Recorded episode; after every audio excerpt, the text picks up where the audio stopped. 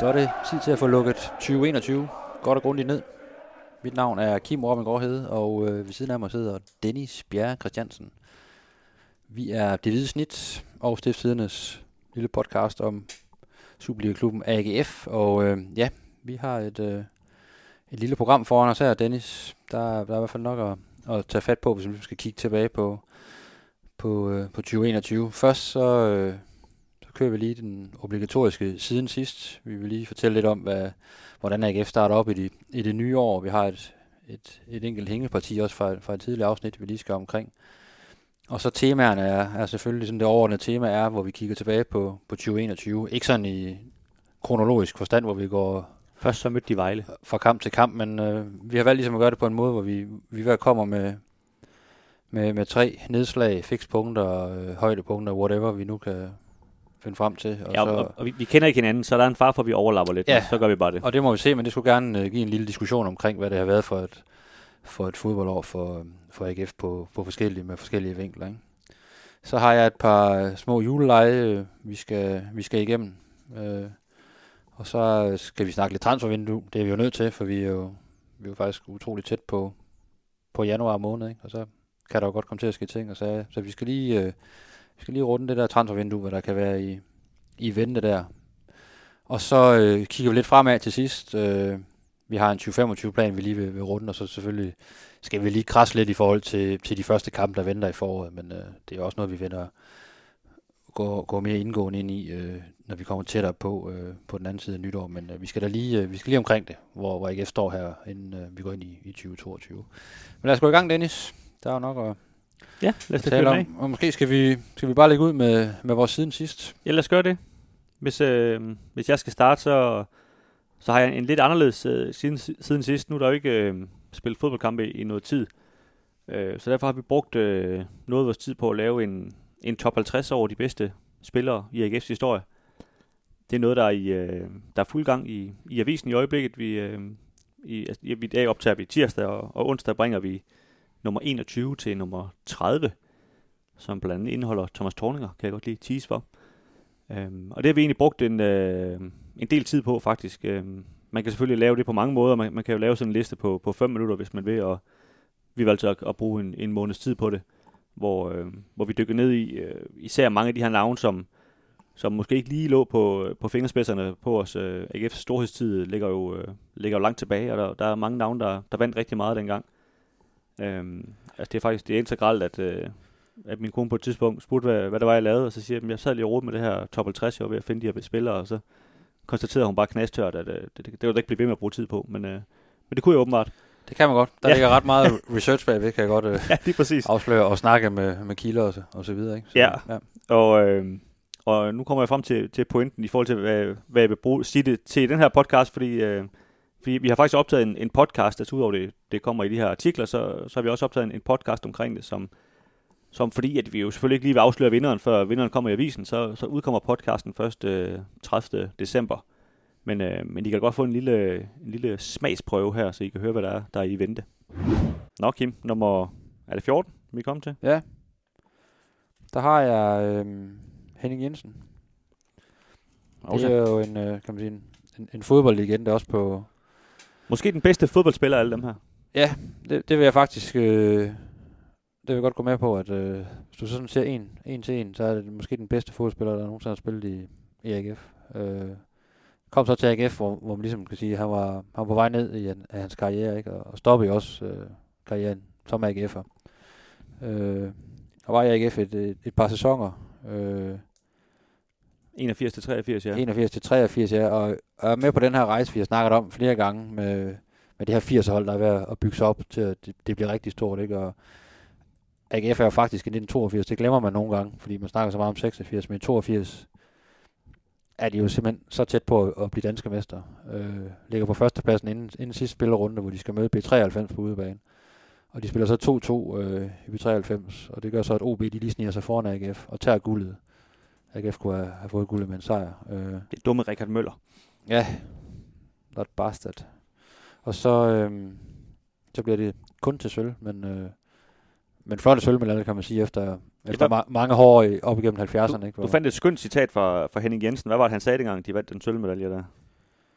Jamen, ja, og det er faktisk fra, fra en udgave over Stifttiden dagen efter, ikke, hvor faktisk nærmest ved siden af et billede af en meget, meget nedslået uh, Lars Lundqvist, uh, som, uh, jeg tror, der står i billedteksten, uh, Lars Lundqvist havde meget svært ved at skjule sin skuffelse over, over resultatet mod, mod B93. Og det ligner ham jo ikke, men lige der, der... så er der en artikel lige ved siden af, hvor, hvor journalisten så har snakket med Henning Jensen, der, der ikke virker sådan fuldstændig knust, selvom det også er karrierens sidste kamp, og han, øh, han fortæller så, at han synes, det har været en sæson med mange skægge kampe. og man skal nærmest tro, man var tilbage i 30'erne, men det, vi snakker 82, ikke? Men han, øh... ja, der, der, kan man jo bare lige klippe til, hvis, hvis øh, AGF nu om dagen havde, uh, havde opnået det samme, og Jakob Nielsen så blev interviewet lige efter, om han vil bare vil lægge væk på, at der har altså været mange skægge kampe. Så. Eller Nikolaj Poulsen.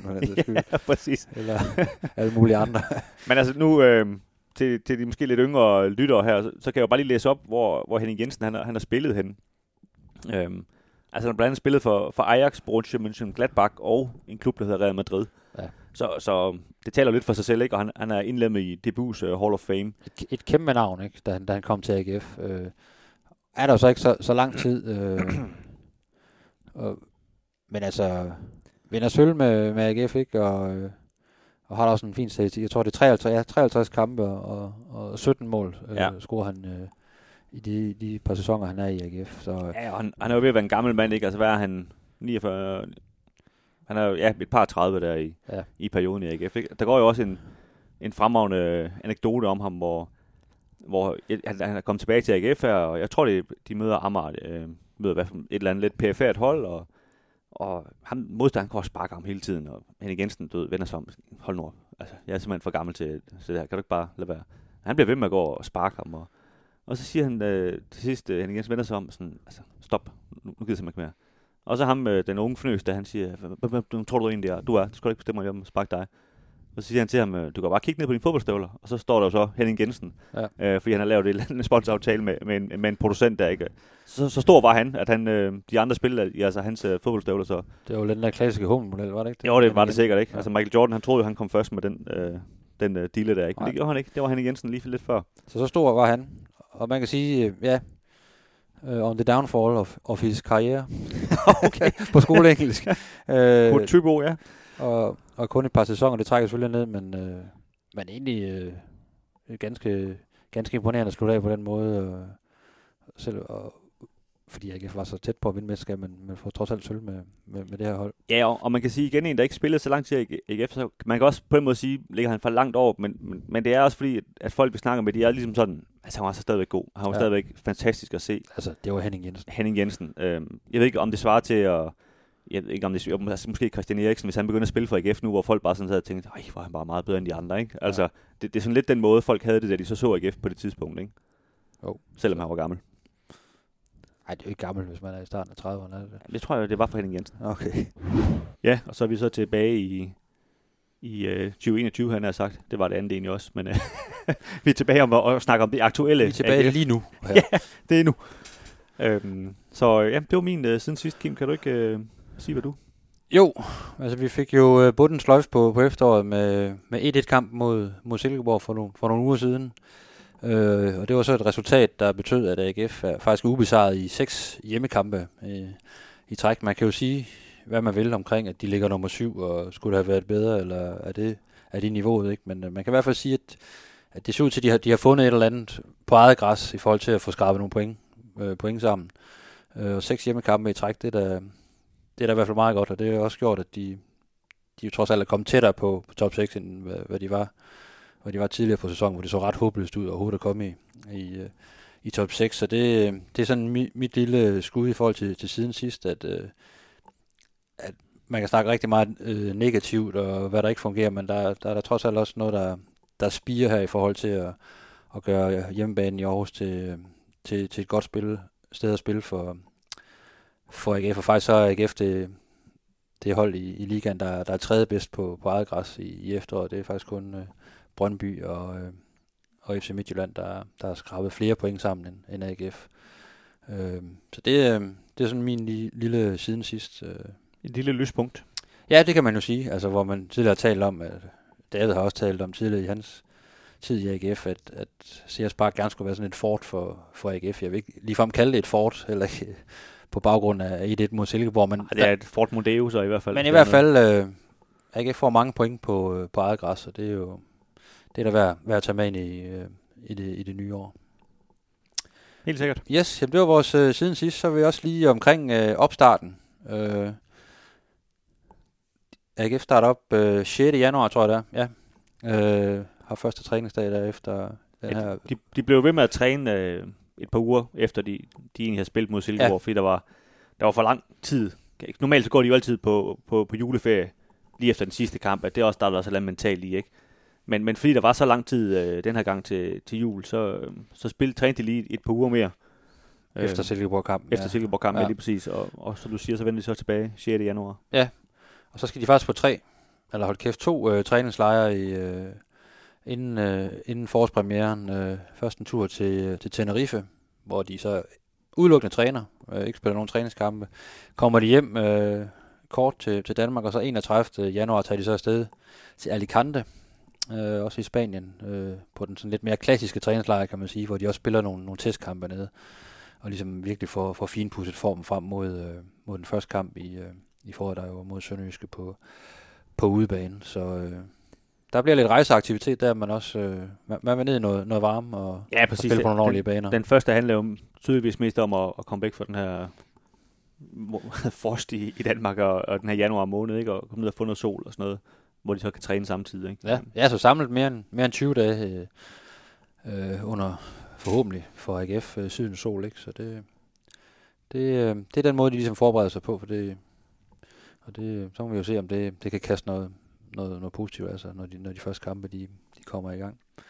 Så har vi lige, øh, inden vi ligesom øh, sådan når, kigger tilbage på, på 2021, så har vi også lige et, et, et hængeparti, som selvfølgelig også har, har lidt med 2021 at gøre, men øh, lad os nu lige få det krydset af. Vi har det jo nogle gange med at, at kaste os ud i nogle vedmål, eller nogle, øh, nogle små interne fægterier, og øh, vi havde det i hvert fald lidt i, sådan i, i optagsudsendelsen til, til det her efterår, hvor vi, øh, hvor vi, hvor vi selv mente i hvert fald, vi, vi battlede lidt. Kan du lige... Øh... Jo, altså konkurrencen, den, den gik ud på at, og ligesom at forudse, hvem der var altså most improved, øh, kaldte vi det, med, med kan man sige, inspiration fra, fra, fra basketball, øh, amerikansk sport, hvor man snakker meget om det her, hvem der ligesom har udviklet sig mest. Altså, det er en, der ligesom, som man godt kender, men som, som er blevet meget bedre øh, i det her år, ikke? Så, som, som taget nogle store skridt.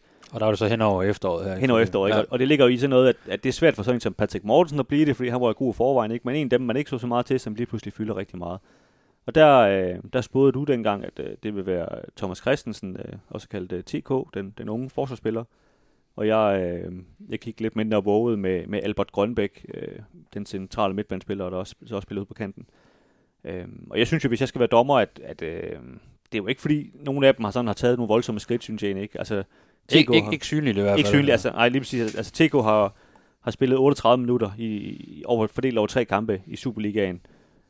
Kan man sige, det har været nogle indhop af, af, af nød, øh, hvor nogen har været skadet, eller hvor noget skal forsvares hjem. Og, øh, og Albert Grønbæk, jeg synes ikke, øh, altså han har spillet nogle, nogle fine kampe her og der, men det er jo ikke sådan, fordi han, han har løftet sig helt vildt for, i forhold til, hvad vi ellers har, har set for ham, synes jeg. Øh, godt nok blevet udtaget til U21-landshold, så selvfølgelig øh, tager han jo, jo nogle små skridt, men, men det har ikke været noget, øh, altså et eller andet kæmpe, kæmpe gennembrud for ham. Men vi skal huske, at begge spillere er jo, er jo unge spillere. Øh, øh, så der er jo selvfølgelig også noget med noget udvikling der, som, som ikke kun skal foregå øh, i kampen og, og være sygelig, men også på, på træningsbanen og i forhold til nogle, nogle relationer og bygge nogle muskler på kroppen og, og hvad ved jeg. Så, så der kan jo være mange grunde til, at for eksempel en TK ikke har, har spillet så meget. En af dem, og den mest øh, selvlysende, er jo selvfølgelig, at, at der er nogle ret dygtige konkurrenter foran ham, som, som, hvor det bare har givet sig selv, at det, er- det har været ting af, det har været Bisek, det har været Hausner, der, der har stået forrest i køen. Ikke? Han startede så øh, på banen i, i pokalkampen over i frem, ikke? og fik nogle, nogle, nogle gode lærepenge der. Ikke? Men, Men, øh, de, de var så ikke i angreb, så det var meget nemt at være midt af forsvar i den kamp. ja, øh, men der fik han da i hvert fald en succesoplevelse. Ikke? Men, Ja, ja. Har, har måske i bund og grund... Øh, Han har jo også fået en ny kontrakt, så altså, jeg tror egentlig, Ja, ja, klubben er fint tilfreds med Ja, og der foregår jo nogle ting på træningsbanen og sådan, ikke? Så der er jo helt klart en plan med ham, og, og, og sådan kan jo, kan jo sikkert tage nogle rigtig fine skridt, som, som vi ikke ser. Og en af mine bevæggrunde for, at jeg, jeg pegede på ham, var, var også det her med, at han ligesom, nu havde han afsluttet sin skole, og nu er han ligesom kommet på, på fuld tid og skulle til at satse virkelig på det. At være fuldtids øh, ikke? Og det, det er jo klart, det, det kræver også lige noget tilvænding, ikke? Så, men Jo, spiller, altså- man forventer så meget af AGF, og det, det gør jeg også selv personligt, ikke? Men har måske regnet med lidt flere minutter til ham i Superliga-samling her i løbet af efteråret. så han er også bare, han spiller måske det sted, hvor der er aller hårdest konkurrence. Ja, altså ja. Tjenger, Hausner og, og Bisek, det, det, han skal slå to af dem af, det er, det er altså voldsomt. Ja. Øh, og, og, der må vi jo også bare sige, altså i forhold til, vi sagde jo det her inden sæsonen, der vidste vi jo ikke, at Bisek var så god, som han har, har vist sig at være. Nej, så har det været en anden historie måske, ikke? Så har han Præcis. fået flere indhop. Øh, Ja, så, så, så det har jo også noget med, med, med det at gøre, ikke? Øhm, så, øh, så jeg synes da, kan man sige, de er jo helt bestemt begge to stadigvæk i spil til at, at, at tage de her skridt. Øhm, det er jo ikke, vi har, vi har afskrevet dem eller noget som helst.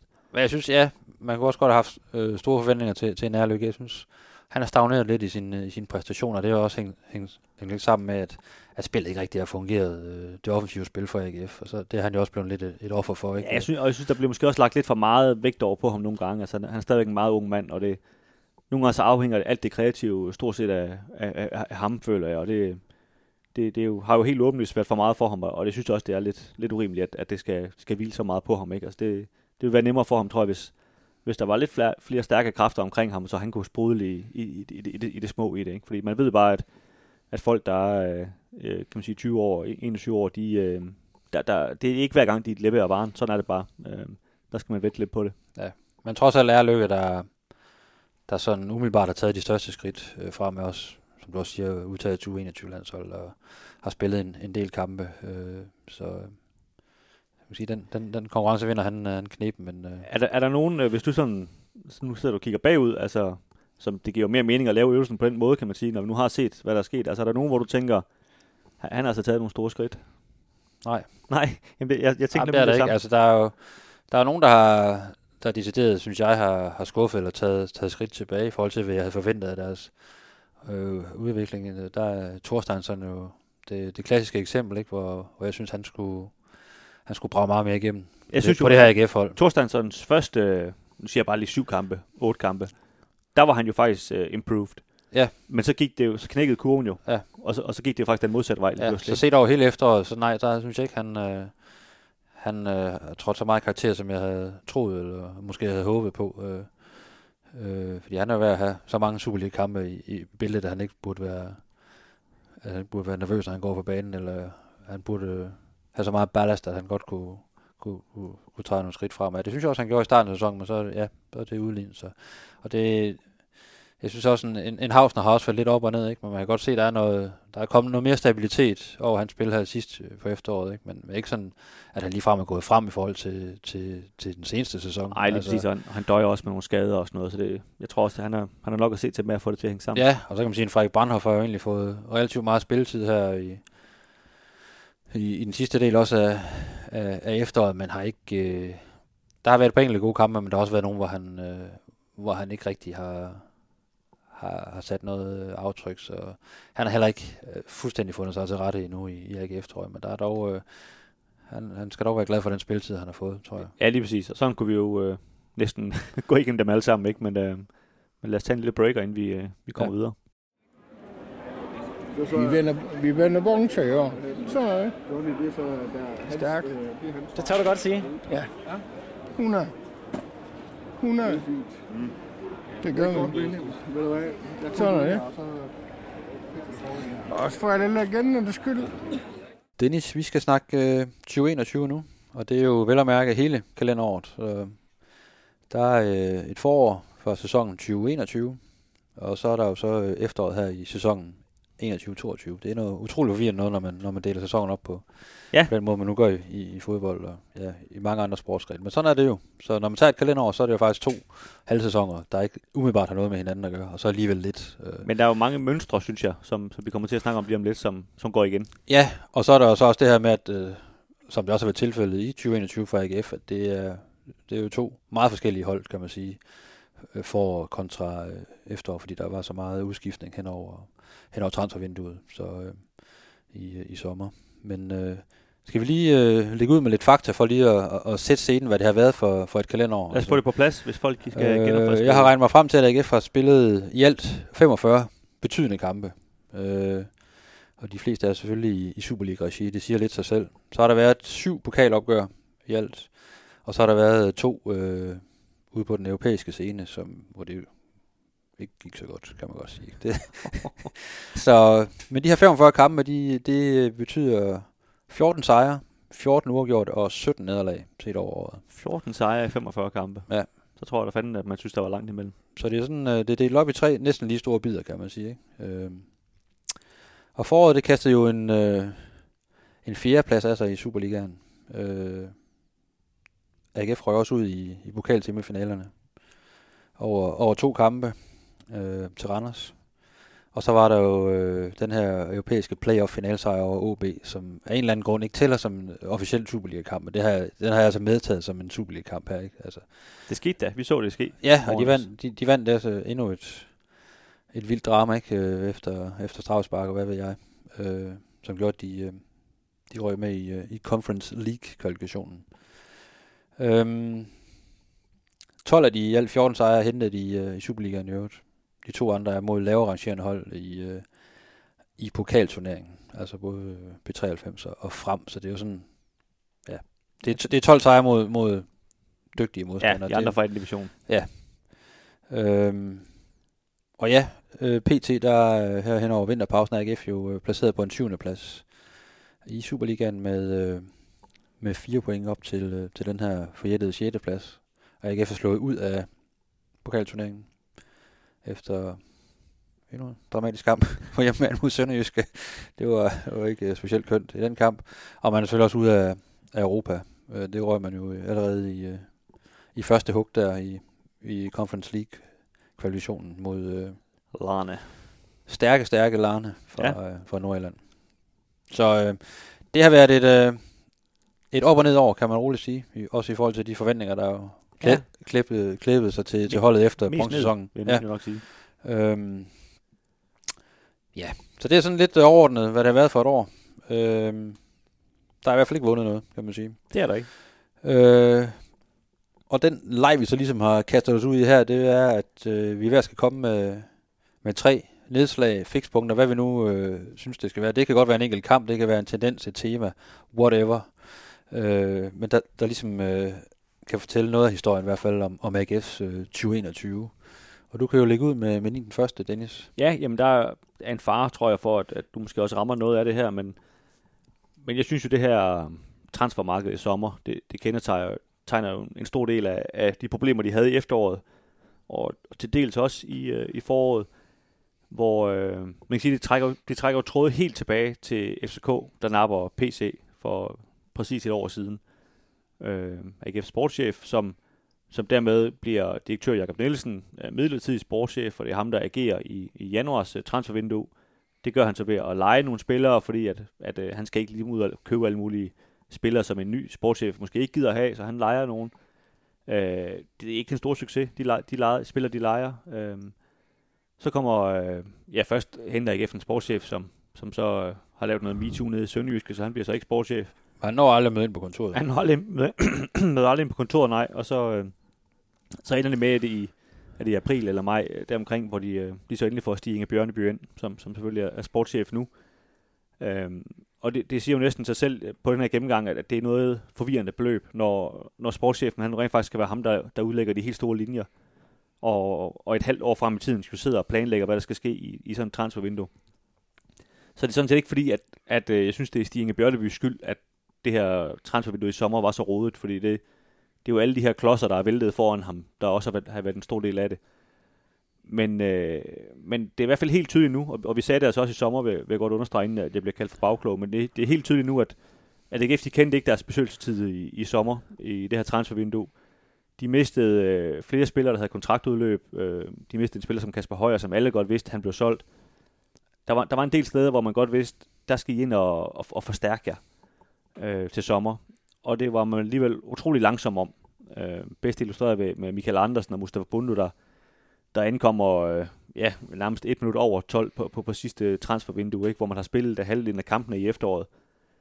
Øhm, det, har jo, det har jo senere vist, at, at AGF har faktisk gjort det ganske udmærket, siden de her spillere kom ind, men de kom jo bare alt, alt, alt, alt for sent ind.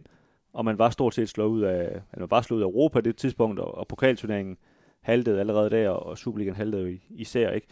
Så, så jeg synes, det her, det her transfervindue og den måde, man agerer på, det har skabt alle de andre problemer, vi sådan set sidder og, og taler om, eller i hvert fald langt de fleste af dem.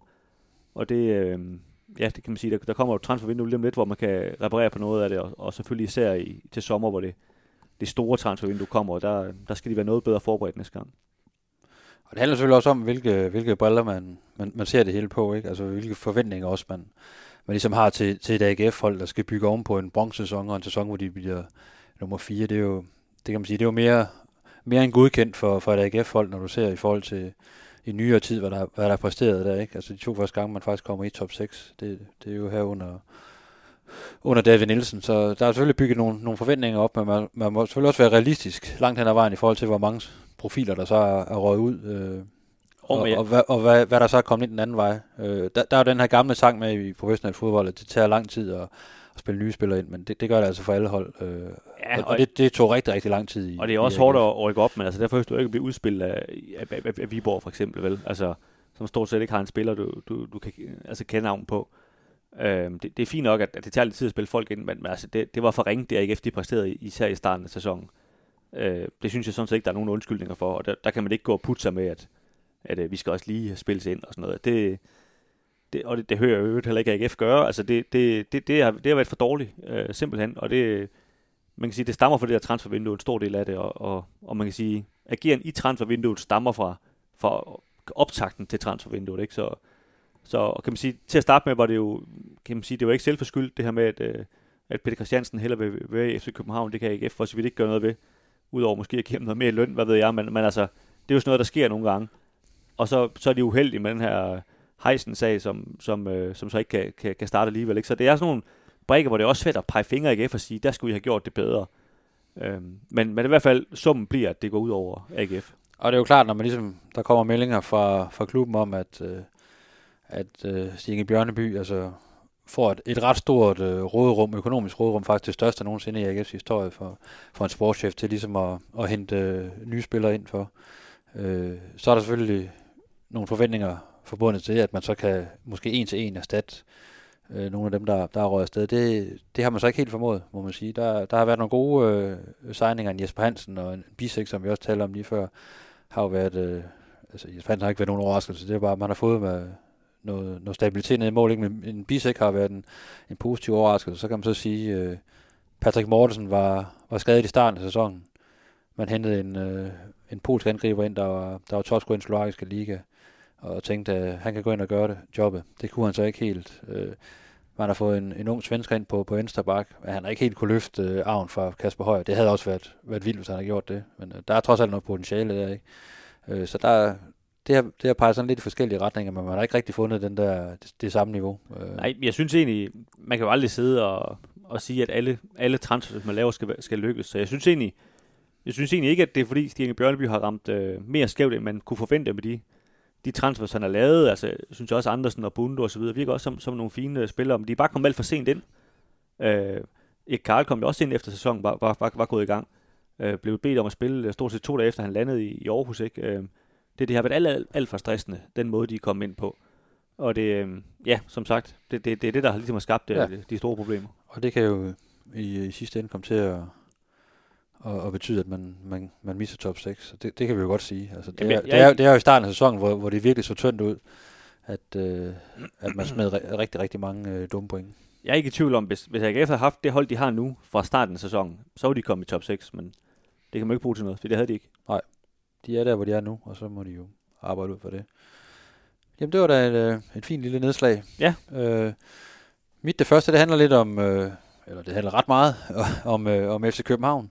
Og for det. Øhm, fordi der er jo, altså, og det er ikke, det er ikke kun sådan isoleret set på, på 2021, det, det var også allerede i gang inden, men øh, de har fået noget, noget ekstra liv, de her kampe, interne opgør mellem AGF og, øh, og FC København, og det har, det har 2021 egentlig bare bekræftet, at, øh, at det er som om, det ligesom har overhalet den her rivalisering øh, AGF, Brøndby, eller hvis man, hvis man ser det fra Randers, ikke, så Randers AGF, og den her intensitet, der kunne være i de her opgør, også tidligere måske OB øh, AGF.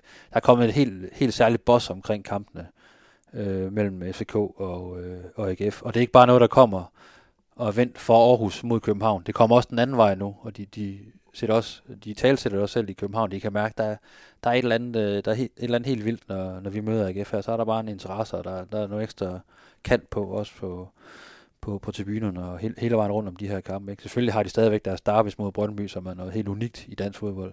Men, øh, men det her, det, øh, der, der sker noget i de her år. Men, øh. men når AGF møder Brøndby i dag, så er det jo sådan noget med, så skal vi til at lave artikler om dengang Mogens Krog scorede og alt det der. Men når de møder FCK, så er det jo så skal vi jo snakke om senest de mødtes, hvor, hvor Patrick Mortensen scorede på et, øh, på, en, øh, på et chip ja. på straffespark og så videre. Fordi der er helt, der er helt sådan noget, der er helt sådan noget drama, og der, der er rigtig meget sådan, inden, inden for kridtstregerne, hvor spillerne virkelig går til, til kanten og op i, i ansigtet på hinanden, ikke? Og der er jo den her, der er jo 3-3 kampen fra, øh, tilbage fra foråret, altså der, der, der, der, der, der er virkelig mange ting, hvis, øh, man kan hive fat i. Hvis du bare hurtigt gennemgår de fire kampe, det, det tænker jeg lige op i, off the top of my head, de har spillet fire kampe på hinanden i, i, nej, de har faktisk spillet fem. De har spillet fem, ja. Ja, men hvis du, hvis du lige tager dem hurtigt, nu tager jeg dem totalt på hukommelsen her, men de spiller ind over i parken, hvor, som bliver 3-3, hvor FCK scorer efter slutfløjt. Ja. Det siger jo sig selv, det er, jo, det, det er jo allerede en klassiker sådan det, i, i Superliga. Lige præcis, ikke? Det, det er ja. kontroversielt ja. at score på et straffespark efter tiden er gået. Ja. Det, det kom der ekstremt meget ballade ud af. Ja. Så er der jo to mesterskabsspilskampe, eller hvad? Ja. ja, præcis. Og du har øh, den, øh, den ene kamp i parken, hvor, hvor FCK spiller AGF ud af brættet, indtil Kevin Dix, som på det tidspunkt spiller for AGF, øh, scorer øh, to mål, og de, og de kommer tilbage. Og presser faktisk. Ja. Presser FCK. Ja. Klart den øh, mindst interessante kamp, eller hvad man skal sige, af dem her. Øh, så har du øh, i kampen i Aarhus, i mesterskabsspillet, som FCK også vinder 2-1, så vidt jeg husker. Ja. Hvor øh, det der, hvor Victor Fischer, han siger Horsens, og, og det hele, det brænder, det brænder fuldstændig ned. Øh, altså, hvor, hvor AGF's fans, de råber efter Victor Fischer, og han siger efter kampen, at, at han hørte ikke lige, hvad de råbte, men han gik ud fra, at det var, det var, det var tillykke med sejren. Ja. og det tror jeg ikke, det var. Men, og, men, og det var altid sjovt at spille her i Horsens, ikke, at tage en sejr med hjem. Ja, lige præcis, og, og, og, der, altså, kulminerede det her, de her slagsmål, og, og altså, det hele kiggede jo op i en, i en, uh, en højere enhed, ikke? Grabata deroppe, og der Grab- løber Grabata, der henover, henover banen. også spiller for AGF, ja. ja. hiver Fischer op, og ja, det var forrygende. Og, ja.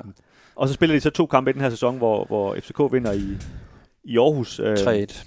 3-1, som, hvor, hvor der også er en masse ballade efter kampen, hvor, hvor de øh, blev nu venner over alt muligt, og, og så den her, som spil, blev spillet for nylig i, i parken, hvor, hvor Patrick Mortensen scorede til, til aller, aller sidst, hvilket FCK de også tudede uh, gevaldigt over. Der var kampen. nogle ledere derovre, der, der gik helt amok, ikke? Og, jo. og David Nielsen gav tilbage, og nogle spillere gav tilbage. Der var en masse mundhuggeri, også med Nikolaj Poulsen og, og Jonas Vind. Og så. Altså, ja. der, der er virkelig et liv, som ikke bare handler om de 90 minutter, men også før og bagefter. Sådan ja, og du har, altså den der 3-3-kamp, der har du Jakob Nielsen, der, der står bagefter og siger, vi nedlægger protest over det her.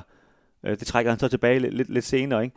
Og, og den seneste kamp her, der har du øh, flere FCK-direktører, der i, i dommerens indberetning Altså, jamen, man skulle næsten prøve at gå ind og, og finde den. Altså, det er jo, det er jo en skændsel, det, det, der sker, ikke? Altså, de, de står og sviner dommeren til, og det er altså for helt op i toppen af, af FCK-hierarkiet, ikke? Der, der burde være den her stolte klub, der holdt sig for fint til sådan noget, ikke? Men, men, men de brændte helt sammen, ikke? Og, det er fordi, at, at der, det vækker nogle følelser i dem, når, når de spiller mod AGF. Altså, det, ja. det er altså helt op på, på de høje navler. Og sådan var det altså ikke bare for 4-5 år siden. Altså, AGF er blevet relevant i forhold til FCK, er blevet en, en reel trussel øh, sportsligt øh, for FCK, og, og det kan man godt mærke, at der, der er kommet noget, noget krig på der. Det, det klæder jo bare Superligaen, der kommer flere af de her opgør. Det er ikke kun af Brøndby, når Brøndby og FCK de, de møder hinanden, men også at, øh, at der er andre kampe, hvor det, hvor det syder og det bobler. Det, det synes jeg, det er noget af det, jeg ligesom tager, vil trække ud af 2021. De, de her opgør, hvor man glæder sig jo nærmest til, eller det gør man. Ja. Hver, hver gang øh, man skal på arbejde, det, det er FCK, der, der står som modstander for AGF, fordi du ved, der kommer til at ske et eller andet ja. på den ene eller anden måde. Og det, det håber vi da bare, det fortsætter. Det, det er klart det mest interessante at opgøre AGF-spillere, det er dem mod FCK. Ja, man må sige, det, har, det er virkelig overhalet, øh, når Brøndby kommer på besøg, eller ja, Randers eller OB, som, OB, som jeg sagde før. Ikke? Altså, der, der, der, der sker noget, og det... Men det er også fordi, altså FCK, de reagerer på AGF's, den her bad boy spillestil, hvor de, ligesom, de, de siger ligesom, de gider ikke at have den, og de synes, den er bunderøvsagtig og dum. Og så bliver AGF jo sådan helt, nå, så gør vi det bare endnu mere, når I siger det på den måde. Og så står Jonas Vind og bliver endnu mere København arrogant. Og, og så som om det, det er bare det, det, altså for os seere, det er jo det perfekte, ja. per, perfekte mix, ikke? Hvor, ja. hvor, hvor de bliver ved med at, at, at, kaste benzin på bålet. Ikke? Og så er det jo sådan lidt sjovt, øh, at de her fem kampe, de har reelt kun kastet to point altså til, til AGF, ud af, ud af 15 muligt. ikke? Men det husker man måske ikke så meget, men husker bare, hvor intens opgøren har været, hvor meget drama der har været omkring dem, hvor, hvor tætte opgør det, i hvert fald i de, i de fleste af kampene, har, har været på, på hver deres måde. Ikke? Men, men reelt er, er FCK jo stadigvæk klubben, der er ovenpå i forhold til AGF, men man føler bare, at de er kommet meget tættere på hinanden. Ja. Øh, og det, det er lidt sjovt, sådan, øh, det der mentalt spil, der også er omkring de her kampe. Ja, og så er der jo, så, altså, det er jo lidt vildt, hvis jeg ikke har nævnt det nu, men så er der jo også øh, Kevin Dix og Kamil Gabara, Jens Dage og, og PC. Og det er også en del af historien, ja. Så, og og det, det, det spiller jo også ind i historien, ikke? at der kommer øh, no, noget had, tør jeg godt kalde det, øh, til de her spillere, og, og så har du samtidig også David Nielsen, der så har været i FCK, og FCK har slet ikke det samme hadforhold til ham, men, men han vil også gerne slå FCK, for han ved altså godt, hvor, hvor stor en klub det er og sådan noget, ikke? så det, ja, det hele, det, det summer, når de... Ja, der er masser af dynamikker der frem og tilbage, som, og det bliver, det bliver bare interessant at følge også ind i, i 2022. Det og det er derfor, at AGF de skal kvalificere sig til top 6, så de skal møde dem, og ikke Sønderjyske og Vejle. Ja, så kan det godt blive lidt, lidt tungt, når man sidder og drømmer om parken og så videre. Men øh, lad os se, hvordan det kommer til at gå. Yes, så det var oh, min, ja. øh, ja. min første overskrift. Det er ligesom efter København og de opgør, AGF har haft der. Jamen, det var en, øh, det var en god overskrift. Øhm, så vil jeg tage noget, der øh, vi kan kalde det øh, be, beslut jer nu. For helvede, kunne man så tilføje. Øhm, den her øh, taktiske rumsteren, øh, kan man sige, AGF med, med David Nielsen i spidsen, men det er jo hele hans, hans trænerstab, der, der selvfølgelig står bag de her tanker, ikke? men øh, de, de begynder sæsonen øh, som, som, kan man sige, som de hele tiden har spillet stort set, ikke? Og, og laver sig ret hurtigt om, og vil gerne spille det her øh, tremandsforsvar. Øh, så tager de til, til nordierne. Øh, nu kan jeg ikke engang huske, spiller de, og de spiller normalt mod, mod nordierne, er jeg ret sikker på, ikke? Og det gør de, fordi øh, så, tager, så skal de så møde Randers, efter de er blevet slået ud af, af Larne her, hvor David Nielsen så siger, at jamen, hans øh, gamle system er simpelthen spil for lidt. Det kunne han se de her kampe, fordi de var så dårlige, at det er spil for lidt, så nu skal de spille på en anden måde. Øh, så spiller de så nogle kampe på den anden måde her. Så går han tilbage igen, fordi det fungerede heller ikke. Og, og, og det synes jeg, kan man sige, at være så konsekvent omkring, at det ikke virkede, og så gå tilbage igen så kort tid efter, det, det har skabt en masse usikkerhed og utryghed om, også omkring hans egen position, at du ved, han, han mere vidste øh, fatningen på det her, Øh, og jeg må indrømme, der var et tidspunkt, hvor jeg tænkte, at, at den, øh, den får han så ved at, at, at rette op igen, den her. Men det synes jeg så, han har fået i, i flot stil, faktisk. Men, men, øh, men der var lige et tidspunkt, hvor man tænkte, øh, altså har han, han helt mistet sin, øh, sin mojo her, eller hvad? Og det, øh, der synes jeg, han kan man sige, ud af til signalerer en masse usikkerhed ved, ved at ændre så meget øh, på taktikken hele tiden, ikke? Øh, det spiller jo så igen ind i det ting, vi snakkede om tidligere, om at, at de rigtige spillere ikke var der, og så videre. Og det var derfor, han begynder at trække nogle andre håndtag. Hvis han bare havde haft sine spillere, så tror jeg aldrig, han havde gjort det. Men, men, men man kan sige, det hele, det, øh, det øh, har i hvert fald ikke været kønt sådan, set for, på, på taktikbrættet.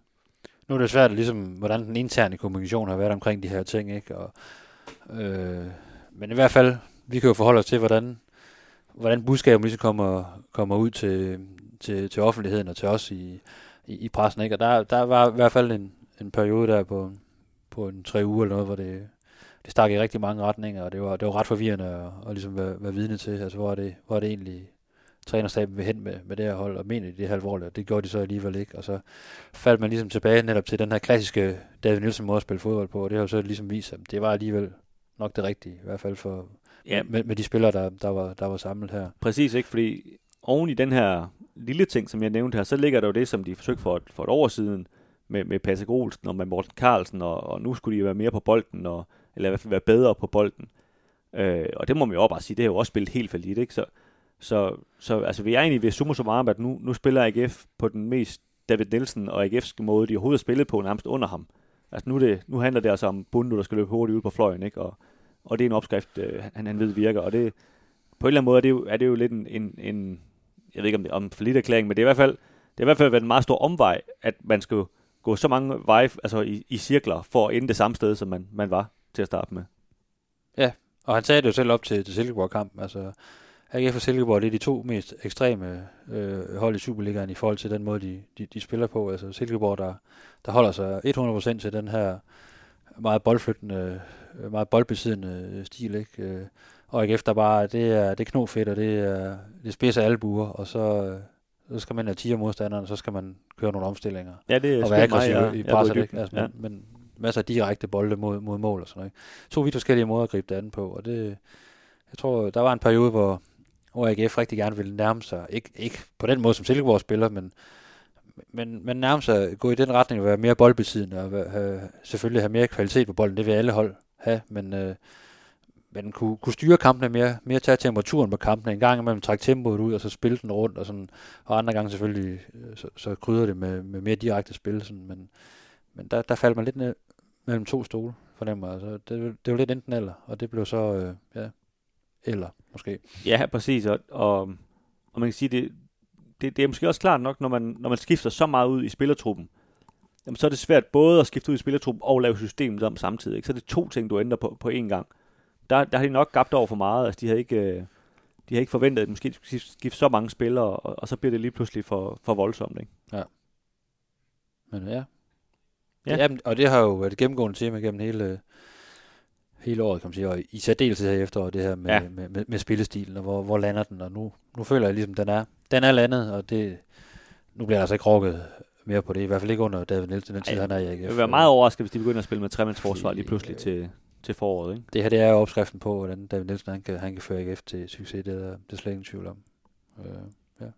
ja, og altså mit næste øh, punkt, det er jo faktisk fuldstændig forlængelse af det, du, du siger her, ikke? Øh, omkring, omkring spillestilen også. Det affødte jo netop nogle diskussioner omkring, ja, David Nielsen, den rigtige øh, i AGF, og der har været nogle, nogle små bøvser her og der med, øh, hvad er han, øh, er han fyringstruet i AGF? Altså, det, den dukker jo op alle steder nærmest med, med alle trænere, ikke? Men at øh, den også gør det i, øh, i AGF med en så populær skikkelse øh, i Aarhus som, som David Nielsen, det, det siger jo lidt om det pres, der trods alt er på klubben, og det forventninger, de forventninger, der, der, der er kylet ned over, over spiller og trænerstab ikke? i forhold til at, at, at levere varen. Og jeg vil også medgive, det, det, så, det så rigtig gråt i gråt ud på et tidspunkt, øh, især sådan efter, i tiden efter Larne-kampen, og vi, man taber i Viborg, ikke? og man, man tænker, altså, hvordan skal AGF øh, i en overskuelig fremtid kunne vinde en fodboldkamp i Superligaen med det udtryk, de havde. ikke. Men der blev ligesom sadlet om, og nu er, nu er det et helt andet hold, hvor man ligesom har trods alt indtrykket af, at de kan,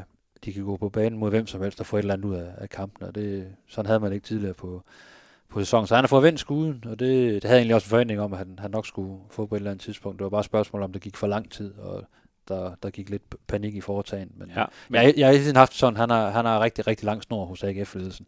Og der skulle ikke, altså, man skulle nærmest tage fra kassen eller, eller andet, før han, han blev fyret, og sådan, sådan har jeg det stadigvæk. Altså, han er, han er stjernen i AGF. Jamen, det er det-. Det er jeg fuldstændig enig i, men jeg synes stadigvæk, der har været nogle, nogle tidspunkter, hvor kan man sige, det lille indblik, vi får i, i ham, øh, typisk efter kampe øh, og ude til træning, øh, efter pokal nederlaget på hjemmebane til Randers, efter 2-0 nederlaget i Viborg, efter nederlaget til Larne på, på hjemmebane, Også efter Sønderjyske pokalen, der var han, og Sønderjyske der var han sat af. den, den må jeg ikke ud til, så derfor Mm. har jeg ikke lige den i, i frisk erindring. Men øh, lad os så sige, de fire gange, der, der, der stod han, og man kunne mærke, der havde han ikke den der her, jeg har svar på det hele. Der, der var han så lidt opgivende at sige, jeg ved det sgu ikke, jeg ved ikke, hvorfor det ikke fungerer. Altså, og, og, og der, der, der gik jeg derfra de fire gange, hvor, eller tre gange, hvor du så er gået derfra den sidste gang også der, med, med følelsen af, er det, er det, er det ved at være nu? Altså, vi har jo øh, utallige gange set øh, folk blive fyret i AGF, og man, nogle gange kan man godt mærke, nu er de ved at slippe øh, altså hånd, håndtaget i det her. Og der synes jeg, der, der var lige en fli af det, hvor der er de så hurtigt kommet tilbage igen, og, og, og nu synes jeg, han, han er kommet langt tilbage på, på ret, kø, ret køl, ikke? Men, men der var lige nogle gange, hvor man sådan tænkte, øh, er, er det ved at være slut nu? Men man kan sige, efter der blev rettet op på det efter den, den Viborg-kamp, der ikke, så ved jeg godt, Sønderjysk kamp måske var kom efter det, men, øh, men, men, men der, der er sket nogle ting der, som, som selvfølgelig også har, har overvist David om, at øh, selvfølgelig kan, jeg- kan jeg godt udrette noget med det her hold, men det, det er klart, når, når når man også ligesom kan, kan ane en, en tvivl hos, øh, hos ham, der skal styre det hele selv, ikke? Og, og David er jo normalt en, øh, en, en træner, der, der stråler af selvsikkerhed og, og tro på, at det nok skal blive bedre i den næste kamp. Ikke? Når man ligesom kan se en fli af den der tvivl også øh, hos ham, så... Øh, jeg havde også de der tanker, altså, ender det med, at han selv går, hvor han ligesom siger, jeg kan simpelthen ikke få mere ud, jeg kan ikke presse mere ud af, af det her hold, jeg har gjort mit, og måske skal, skal AGF have, have en ny træner, men så, så vidt kom det jo, kom det jo aldrig. Nej, nej, også, men også, altså, vi må jo også sige, at altså, David Nielsen er jo den, der suverænt har været længst tid øh, i sin klub af, af, af de 12 Superliga-trænere. Så det vil jo ikke være overraskende, hvis han stoppede, øh, kan man sige også af naturlige årsager. Øh, nu har vi jo set efterhånden mange danske trænere få et job i, i udlandet, i, i Belgien især osv., Øhm, så man vil heller ikke blive overrasket, hvis han lige pludselig siger, altså der er en svensk, stor svensk klub, eller et eller andet, der, ligesom, der lokker ham. Så, så på den måde, det jo godt være den måde, han smuttede på, kan man sige. Det hører jo ikke kun være, være den her helt store øh, dommedags fyring, vel, men, men hvor han ligesom siger, det her projekt, det, jeg, jeg kan ikke se mig selv i det mere, nu, nu skal jeg prøve noget andet, og, og han er jo en mand, det ved vi også fra hans fodboldkarriere, altså der, der skal nogle gange lige tændes et nyt bål, før at han, at han, han lever lidt igen, ikke? Altså, det, det skal helst ikke stå alt for meget stille. Men jeg tror rigtig, jeg tror rigtig gerne, han vil, han vil prøve at vinde noget med AGF. Og det, Det tror jeg også. Og, og man kan også sige, at nu, nu har han jo fået nye udfordringer af, at, at de stort set skifter hele truppen. Jamen så, nu er det et nyt projekt. Nu er det ikke det gamle projekt, øh, han bare skal fortsætte med, vel? og han er på kontrakt ind til sommeren 20, 2023. Øh, men øh, ja, altså man, man kan bare sige, at de, de gange vi har spurgt til det også opad i, i ledelsen, der har man jo nærmest øh, grinet håndligt af, at, at det overhovedet var et emne, at, at han skulle være fyringstruet. Så man, man fornemmer godt, at han har virkelig lang snor i, øh, i, øh, i AGF. Så, så jeg har det også sådan, det, det skal være et, et rigtig godt bud udefra, eller ham selv ligesom siger, at jeg har brug for nye udfordringer, før der, der, der sker noget der, i hvert fald inden, Men det er også- inden sommeren 23. Det er også fordi, i, i min levetid har jeg ikke set nogen AGF-træner have så meget styr på, hvad AGF er, som, som David Nielsen har. Nej, og have den popularitet blandt fansene. Altså, Præcis. Han, selv i de her perioder, hvor, hvor det er gået øh, mindre godt i løbet af 2021, og resultaterne er udeblevet, altså, der har ikke været, der har ikke været noget som helst øh, for de mest hardcore fans i forhold til David Nielsen. Altså, han laver den samme inden, inden hver kamp, ikke, hvor han er nede og, og, og har det her samspil med, med fansene, og det er jo, det er jo helt unikt, kan man sige, i Superligaen, at der er nogle trænere, der overhovedet har det. Altså, og det, det, er jo, øh, det er jo uafhængigt af, om de har tabt tre kampe inden da, eller om de har vundet to i træk, eller hvad. Altså, der, han har en kæmpe stjerne hos AGF-fan, så man skal, også være, man skal også være en modig leder, hvis man skal ud og, og rokke ved det. Det er skal der- man nemlig, ja. om. Yes. Sidste øh, emne fra min, øh, min side af. Øh, det kan man sige er lidt i forlængelse af det, jeg talte om før med, med, med, med taktikken, men det handler, det er sådan lidt uafhængig af, om du så stiller med syv i forsvaret, eller hvad du gør. Så sådan kan man sige, øh, altså hold, hold, hold, hold, hold fat i bolden øh, noget mere.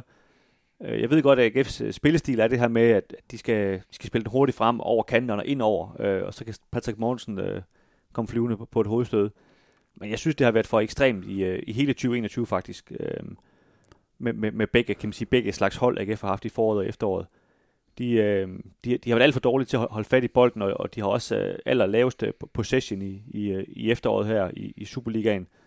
Øh, og, det, og det gør, at de, altså, de får ikke sat noget ordentligt op. Øh, det bliver sådan lidt forhastet det hele, og, og, og selvom at man godt vil spille hurtigt, det kan man godt nogle gange gøre med lige at tage en berøring mere, eller lige tage en aflevering mere, så man får sat den rigtige spiller op. Og det synes jeg, de har manglet, og, og for mig var det også faktisk ret, øh, øh, kan man sige, sigende, da, da Jesper Hansen, øh, en mand, der har, der har vundet Superligaen både med Nordsjælland og med Midtjylland, nogen, der, der på hver sin måde godt kan finde ud af at holde i bolden, ikke? og i hvert fald godt finde ud af at vinde fodboldkampe. Efter den her Silkeborg-kamp, hvor, hvor AGF spiller 1-1, hvor man må jo sige, at Silkeborg var, var, bedre, og de spillede i hvert fald bedre end AGF. Øh, de, begge hold skabte chancer. Men der går han ligesom ud og siger, at, at øh, han kunne godt tænke sig, at AGF her i foråret, de, øh, de fik træt lidt mere på hold, lidt mere i bolden. Altså, og, det var også lidt en frustration, hvor han havde, du ved, jeg, jeg gider sgu ikke at lave seks redninger per kamp, altså nu må jeg skulle lige tage det sammen, ikke? Og det, det, det blev for meget for ham, og det, øh, det kan jeg godt følge ham i, det der med, at det, det, det bliver for voldsomt, øh, det bliver for, for ekstremt, det der med, at man skal, man, man skal spille hurtigt. Øh, så det tror jeg, det, det vil gavne AGF, hvis de, ikke de skal til at lave fuldstændig om på den måde, de er på, men, men lige, lige holde lidt mere fat i spillet nogle gange, så det ikke bliver så tilfældigt, det der foregår. Men det er jo slående, at en spiller, der er så højt i hierarkiet i, i spillertruppen, han, han går ud og siger det på bagkant af, at man egentlig har leveret ganske fornuftige resultater over en, over en periode, ikke? Ved at gå tilbage til den sådan lidt mere klassiske AGF-måde, hvad Flund David Nielsen og, og spille på den her lidt mere sådan slåskampsagtige, og så, øh, så ser vi, hvad der, hvad der, hvad der falder ned op i, i feltet, ikke? Altså, så der er jo også en, selvfølgelig en, en, en følelse af, at man ikke rigtig er i kontrol, selvom man har fået mange point, så, så, så har det været nogle, nogle åbne kampe, altså, hvor, Ja. hvor man ikke rigtig har haft den følelse af, at AGF har været i fuld kontrol i, i særlig mange af dem. Altså, Og det, det og selv, også, selv, altså 3-0, undskyld, men 3-0 på hjemmebane over Midtjylland, ikke, er jo også sådan nogle lidt tilfældige mål, men man er ikke sådan på den måde i, i kontrol, selvom man laver tre mål øh, øh, inden for en, for en halvleg, ikke? Altså, Jo. Og, og lige den kamp selvfølgelig, dengang der mange 10 minutter, der var der ikke nogen, der troede, at Midtjylland skulle score tre gange. Men, men stort set alle de andre gange, AGF har fået sejre og point, så er det jo været med et mål, man vinder ikke, så, så hele stadion sidder med, med, med neglen inde i munden. Til sidst, fordi som du siger, man har ikke kontrollen over, hvad der sker, og man heroisk, altså hætter alting væk og så videre, ikke? Øh, Det har ikke været øh, overbevisende, i hvert fald rent spillemæssigt, og det, øh, det, er nok, det er nok det, jeg savner, at man ligesom nogle gange vinder nogle kampe, hvor man tænker, de var bare bedst i dag, der var ikke rigtig noget at komme efter. Og det er jo også det, han i, i tale sætter, det der med, når du, når du så har en føring, så vil du gerne som hold have, have følelsen af, så, så kører vi en sgu hjem de sidste 20 minutter ved at køre bolden rundt og sådan noget. Så skal de andre op og, og presse os, fordi de er desperat, ikke? Og så kan vi køre den der dødbringende kontra, der, der lukker kampen. Og det, det er simpelthen for få kampe, at AGF har været, har været, i, har været i stand til det. Og, og ligesom, også selv de kampe, de har vundet 1-0, hvor man ligesom, de, de har ikke været i kontrol i, i slutminutterne Nej. I, i særlig mange kampe. Og, og det var noget, altså det, selvom at, at de spillede hurtigt og kontragtigt, dengang de vandt bronze, så synes jeg også, det godt, der kunne de også godt, når de så kom foran, være i kontrol i kampene, hvor man nogle gange sad og tænkte, den smider de ikke nu, den her. Nu, nu har de styr på det, ikke? Øhm, og det handler måske også bare om, de havde bedre spillere, det ved jeg ikke, men, øh, men øh, det er i hvert fald noget, de skal arbejde på. Ja. Mit øh, sidste nedslag, det handler om øh, Europa. Øh, nu har man jo to sæsoner i træk været, været ude og, og lege med i, i Europa igen, og det er ikke gået sådan øh, vanvittigt godt. Man fik da det synes du ikke? et par meriterende sejre over finske Honga. Ja, røg så, en, ja. ja. Eller en, ja. Men røg så ud, øh, røg så ud til, til Mura øh, øh, nede, i, nede i Slovenien. Øh, og den, ja, den præstation står for, for sig selv som et mørkt kapitel i AGF's europæiske historie. Ja, okay, altså et hold, de slog trods alt også Tottenham Hotspur den anden dag, så, Ja, ja. så, så er de måske ikke dårligere, trods alt, men det var stadigvæk dårligt, det AGF præsterede. De var dårlige på den dag, men AGF var bare endnu dårligere. Ja. sige. Rigtigt. Og så har der jo været her, som vi allerede har været omkring, øh, de her to kampe mod, mod Larne fra, fra Nordjylland, hvor man samlede øh, øh, røg ud. Ikke? Altså, AGF vil, vil rigtig gerne øh, være et tophold, og de har også været ligesom, altså, med en tredje og en fjerde plads, har de jo ligesom meldt sig ind igen, øh, som et tophold i, i, øh, i toppen af, af, af Superligaen, men så følger også det her med, så kvalificerer man sig til Europa, og så vil man jo også gerne vise sig frem der, og, og det, er jo, det er jo især i de her kampe, man kan, man kan bygge ekstra på, og vise, hvem man er, og, og man kan udvikle holdet i forhold til at få nogle gode præstationer der, ikke? Og det har AGF simpelthen forsømt øh, i de seneste to øh, sæsoner, hvor man ikke er, er nået særlig langt. Øh, og vi skal snakke om den her 2025-plan øh, lidt senere i, i programmet, men der kan jeg jo godt afsløre, der, der, der står jo også i, at man øh, inden 2025 skal hvert fald en gang skal prøve at være en del af, af et gruppespil der, altså gå videre til gruppespil i en af de europæiske turneringer.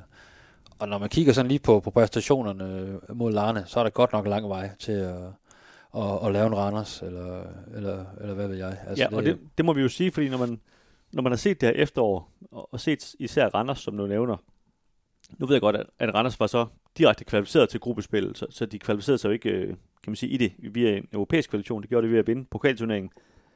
Men de har jo så præsteret, synes jeg, altså ganske, ganske fornemt. Meget bedre, end jeg troede, de ville. Og jo rent faktisk gået videre øh, til, til 8. finalen, tror jeg, det er det, det hedder.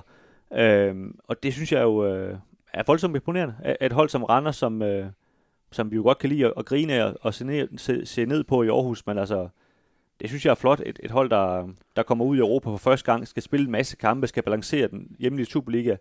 De ligger i top 6, de er gået videre i, i gruppespillet det er jo der, AGF burde ligge lige nu, synes jeg. Men, men der, der er de jo bare ikke. Ja, det må gøre ondt i, øh, i AGF ligesom at se, at, øh, at Randers ligesom, og der er jo andre danske hold, øh, øh og sønderjyske og andre hold, der, der faktisk har gjort det før øh, i, i de senere år, altså ligesom leveret varen på, på, på ganske fint niveau ude i, ude i Europa. Og det, er jo, det lå ligesom også i kort, at nu, nu skulle AGF altså også lige øh, med os ind her og, og være en del af, af det kul der, der af danske klubber, der, der godt kunne begå sig derude øh, Øh, og spille nogle sjove kampe mod nogle, nogle, nogle store klubber, men så langt er de slet ikke nået endnu. Og det er sådan, det ved jeg også, det smerter øh, David Nielsen rigtig meget, øh, de her kampe mod Larne, at, øh, at, at man, ikke, man ikke så bedre ud, og attituden ikke var bedre, og niveauet ikke var højere. Og det... Ja, fordi en ting er også, hvis, altså dengang de tabte til Motor, der havde de jo mødt PSV Eindhoven, hvis de var gået videre.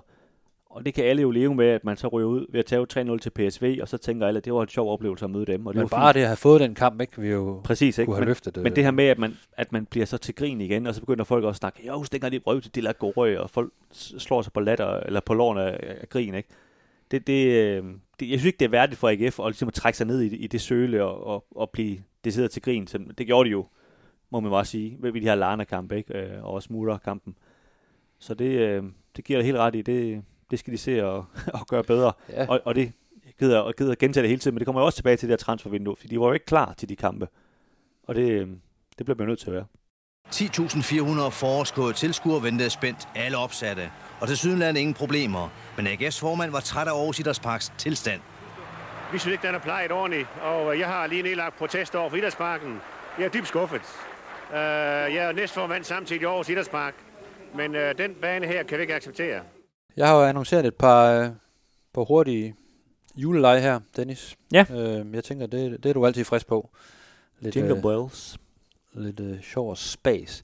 Den første, det, øh, det er sådan lidt, hvor vi, hvor vi prøver at lege med, med tanken, at vi hver især får lov til at, øh, at vælge en klub i, øh, i øh, Superligaen, og her vil jeg så lige trække øh, FCK og FC Midtjylland ud af den ligning, fordi de, de opererer bare på nogle helt andre sportslige budgetter.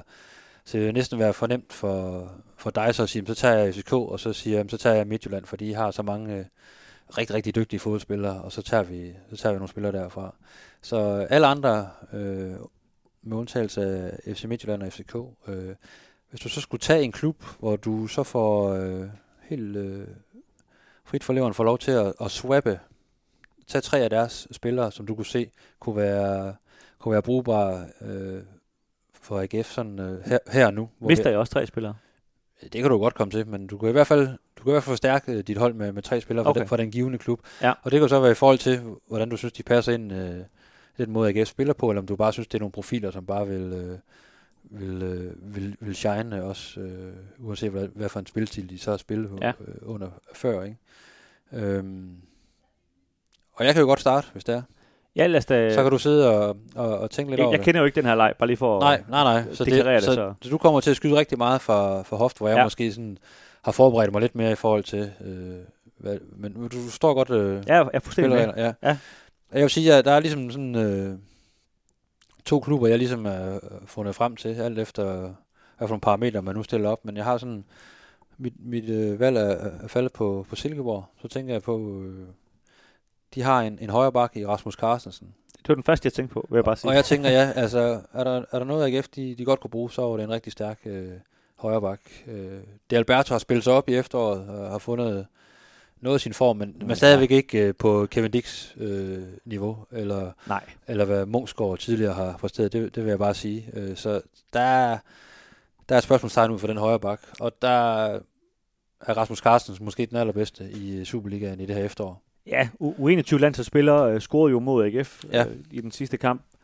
Øh, rigtig, rigtig spændende spiller. dynamisk, øh, offensivt minded, men kan også godt forsvare. Altså, øh, det kunne være rigtig interessant at se ham i AGF. Så, og, og, så øh, ikke alene på grund af ham, men øh, især på grund af den der højre bak, der, hvor jeg ligesom har set rundt på de forskellige trupper, der, der, er han, der, der træder han virkelig i karakter. Så, og så tænker jeg også, sådan, øh, de har også en Nikolaj Wallis, så hvis man måtte swap tre spillere, så har vi en, en Carstensen, og så har vi en, en Nikolaj Wallis, der, der kunne gå ind og, og for eksempel spille den her venstre kant, og give noget offensiv øh, power.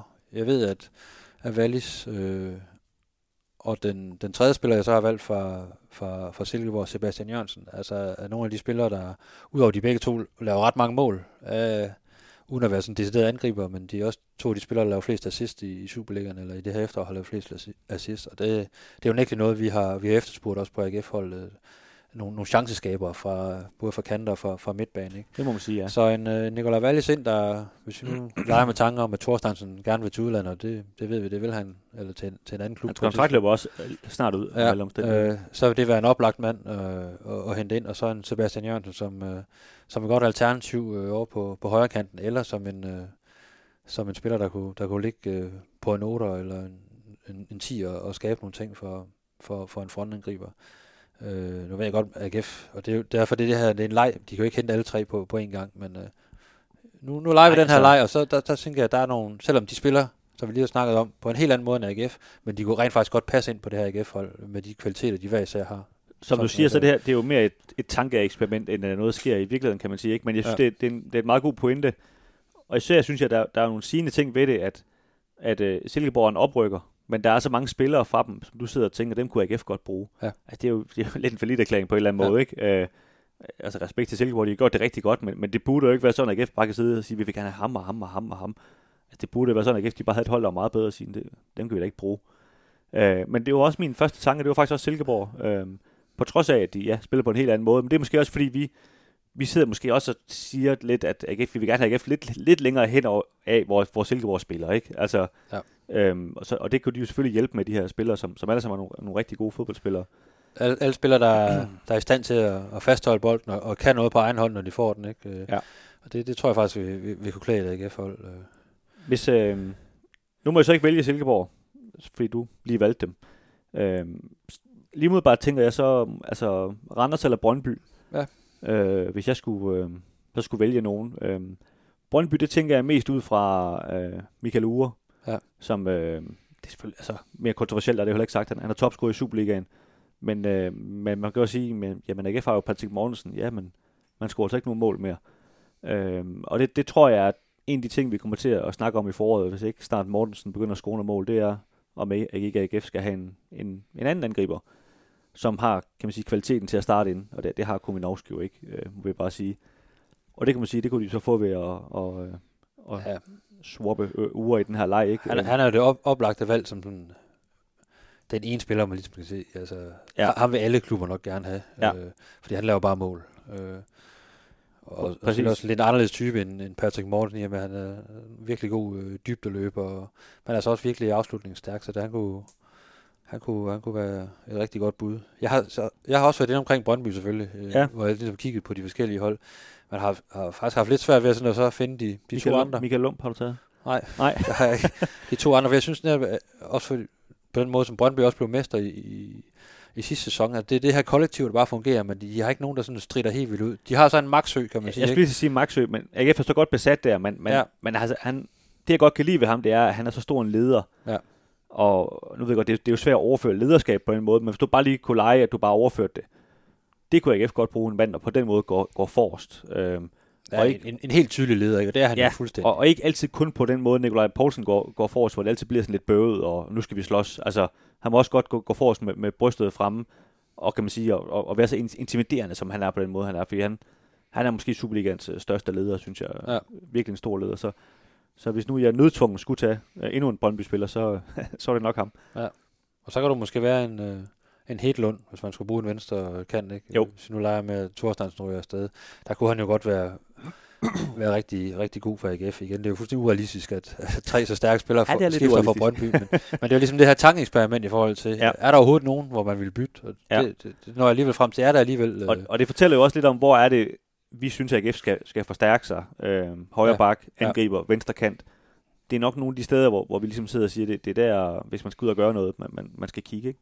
Fordi du også, du også have Nordsjælland, så tage tre af deres hurtigste spillere, offensive spillere, og sige, "Men de bliver sikkert gode på et eller andet tidspunkt, ikke? Så, så, så lad os få dem. Men jeg tror ikke, det vil ikke gavne det her AGF, øh, sådan i den, i den virkelige verden her nu, øh, og, og hente nogen der. Der er jo måske en, øh, en Kofod inde på midtbanen, man, man godt kunne bruge. Hans, han, han er en boldbegavelse og dygtig til at fordele spil, ikke? Han kunne være en, en, en mulighed, men øh, så er der faktisk mere bund i, i Randers, sådan som jeg ser det med, jeg har skrevet en Erik Marksen ned, fordi han både kan spille midtstopper, men også kan spille øh, på venstre bak, ikke? Altså, og han er, han er bare driftsikker, øh, Erik Marksen. Og så Også, jeg sådan også en leder på sin egen måde. Ja, øh, og så en øh, Vito Hammershøj Mistrat, ikke? Øh, hvor der er noget offensivt gods, en midtbanespiller, der, der laver mange mål, ikke? Øh, kan, kan dække flere pladser og løbe stærkt og arbejder begge veje. Han er en skøn spiller, synes jeg. Ja, og så er der en Stefan O'Day, jeg ved godt, øh, han spiller nok også øh, måske på, på låntid i, i Randers, men han vil også klæde dig ikke hold, sådan som jeg ser det, med øh, en virkelig, virkelig stærk spiller, der kan noget på egen hold, og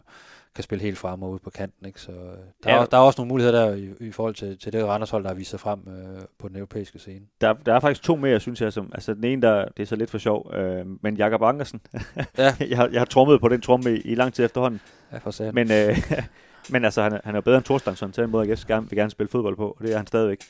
Øh, og så måske det lidt mere seriøse forslag, Lasse Bag Jonsen, der, der spiller ind på, øh, på midtbanen, øh, nordmand. Men så skulle han jo smide en Nikolaj Poulsen af, eller? Øh, måske, og ellers, ellers skulle han jo være ind og, og spille, øh, spille otteren. Ja. Øhm, øhm, Er han kreativ nok til det? Altså, han er jo også sådan lidt en oprydder. ja, det er det, og, Ja. og du har nok ret i, de ligger nok for meget oven i hinanden, men, men jeg synes, han er en, en rigtig, rigtig, rigtig god spiller. Ja. Øhm, de vil nok ligge for meget oven i hinanden, men, men altså AGF øh, kunne også nogle gange bruge en, et alternativ til Nikolaj Poulsen, så han ikke skal spille øh, alle kampe, alle minutter hele tiden. Øhm, det bliver måske lidt luksus at have ham til at sidde på bænk, ikke? Men, øh, men, men i hvert fald en, en rigtig god spiller. Ja.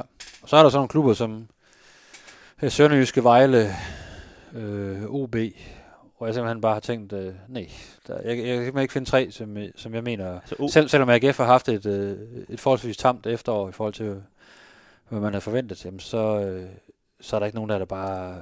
Jeg kan i hvert fald ikke finde tre fra nogle af de klubber. Nej, så OB har jo 18 angriber, men der er ikke nogen, der man gider have. Altså, det er jo alle sammen sådan nogen, der, der er lidt uh, Niklas Helenius sagt i, ikke? Jo, jo, og som ikke arbejder nok defensivt, altså, altså det er ligesom, vi har fået endnu flere grå, gro hår i sit skæg, ikke, hvis han skulle arbejde med, med en fryg her, eller en, øh, Ja. jeg ved ikke, Djibali eller så videre, fordi de vil helst løbe den ene vej. Ja, præcis. Øh. Og det er jo sådan nogle, de kan jo godt være gode fra kamp til kamp, men ikke, ikke øh, på et lange bane vil de ikke forstærke noget som helst. Så er, det, er vi ikke øh, over Hvad i med, hvad med noget... OB? Ja, jo, jo. Lukas Andersen? Jamen, han er jo skadet hele tiden. Han, Ja, ja, vil, han vil ikke... Øh, På trods af det, så... Ja. De har også et hav offensive spillere, men der er jo ikke nogen, der sådan bare stikker vanvittigt meget ud. Jeg synes jo, en Kasper Kusk, når han har sin gode dage, han er jo en fremragende fodboldspiller. Og han har godt nok også nogle... Øh, Ja, der er også for mange dårlige imellem. ikke? Øh, Så er der Talander. Talander er også en chef. Ja, det er han. Og, men igen, jeg har, jeg har ligesom gået... Jeg har ikke rigtig set på stopper, fordi jeg tænker, det er der AGF er allerstærkest. Øh, fordi man har tre rigtig gode stopper. Men øh, lidt ligesom med Maxø, skal man have en, øh, en der går forrest, og som viser vejen, så er Talander jo virkelig en chef, ikke? Så han kunne, han kunne godt være en mulighed. Øh, ellers så ved jeg sgu ikke. Altså, der er en almand på venstre bak. Øh, der, ja. Der er der måske endnu mere potentiale i, potentiale i, i Karl, ikke? Potentiale. Det kan noget, synes jeg. Ja, og så har de jo øh, ja, en server op foran, de har en Rufo, de har, de, de har mange dygtige offensive spillere, men der er ikke nogen af dem, der sådan stikker vildt ud. Nej, og de, og de spiller også så meget på en anden måde, end AGF spiller på, at det vil også ja. lidt svært at, at putte dem ind, synes jeg, på, Ja. ja. på AGF's hold. Jeg synes, Silkeborg og Randers er nogle rigtig gode bud, og så synes jeg, Brøndby er faktisk lidt, lidt sværere, fordi det er, det er sådan meget kollektiv, hvor der ikke er nogen, der stikker alt for meget ud. Ja, og jeg synes også, det er næsten for nem- nemt bare at sige, at man godt vil have Superliga-topscoren. Altså, det, Ja. ja. det siger jo så næsten sig selv. Så Silkeborg og Randers er det ikke dem, vi, Vi, vi bytter. vi går med. Partnerbytte. Men øh, igen, bare roligt ud. Det, det er bare en leg, det her. Det, Hischer ned. Men altså, når det så er sagt, Rasmus Carlsen, der, der opererer allerede rygter derude om, at uh, AGF skulle være, være lun på ham. Det kan jeg godt forstå. Det tror jeg, der er mange klubber, der... Men, men jeg kan ikke se... Altså, hvis, altså de, i forhold til de priser, vi ser, der skal han jo koste 20 millioner eller sådan noget. Ja. Altså, hvorfor skulle han ikke koste det? Han er U21 landsholdsspiller, han gør det fremragende. Øhm, Han har nok også en idé om, hvordan han gerne vil spille fodbold. Jeg, Ja, ja. jeg ved ikke, altså nu har han, nu har han haft succes under Ken Nielsen i, i Silkeborg. Skulle han være draget af at, at komme og spille chubank-fodbold i AGF? Jeg, jeg tvivler på det. det, altså, det er klart, han, han vil jo selvfølgelig få en lønstigning lige umiddelbart, men, men hvorfor, altså, hvorfor skulle han ikke også kunne skifte til, til en eller anden belgisk klub, eller hvad fanden ved jeg? Altså, det, det synes jeg da, han er god nok til også, at, også at tage det skridt, så, så jeg, jeg tror, at AGF er for et, et for lille skridt til ham. Uh, han er blevet for god til, til det. Ja. Det er, det er i hvert fald imponerende, hvis AGF de henter ham, det vil jeg sige. Men klar forstærkning. Lad os se, hvad der, hvad kommer Ja. til at ske der. Nå, den anden lille juleleg er... Jeg ved ikke, hvor meget leg der er over den, men det, det, det er faktisk sådan, det er faktisk sådan meget lige til. Øh, så du skal ikke sidde og ryste i bukserne over, at øh, du bliver udstillet eller noget som helst her. Men det, det er egentlig bare sådan over 2021. Og lave en lille kåring af, af årets AGF'er. Ja. Øhm, og vi ser helt bort fra alle mulige karakterer i gennemsnit og sådan noget her. Altså sådan, bare sådan helt for hoften. Øh, når du ser over hele året, altså hvem har så Jamen, det har, og, det, og det, det giver jo sig selv, der er nogle spillere, der kun har været her et halvt år, inden om det er forår eller efterår. Men øh, er der en, der er brændt sådan igennem? Ja, altså, ja, lige før jeg vil sige, at jeg ikke vil diskutere det. Altså, jeg synes, Kevin Dix med hans præstationer i, i foråret, han var, han var outstanding. Og så vil jeg godt Øhm. diskutere det. Okay, og, og, og nu har jeg jo ikke lige, øh, for jeg har ikke forberedt mig på det her, men, men jeg husker det som om, det, det er seks mål. Det var i hvert fald mange mål, han scorede. Øh, og han var jo, man kan sige, han, han, han dækkede jo nærmest for, at AGF de havde problemer med at score mål i foråret. Også ligesom de har haft i efteråret. Men fordi han scorede så mange mål, så, havde, havde, så var det svært lige at se det. Øhm, og han var, han var stærk øh, defensivt. Så var der et tidspunkt, hvor Nikolaj Poulsen havde karantæne, så, så kunne han åbenbart lige spille defensiv midtbane som, øh, som en drøm også lige pludselig. Øhm, kan man sige, at altså alt det her har jo også udmyndet sig, i, at han, han er blevet øh, solgt til, til FC København, så, så, så det, det, er jo, det taler jo op for sig selv, han har sagt, ikke? Men, men virkelig, virkelig, virkelig øh, en, et, et flot forår, han spillede.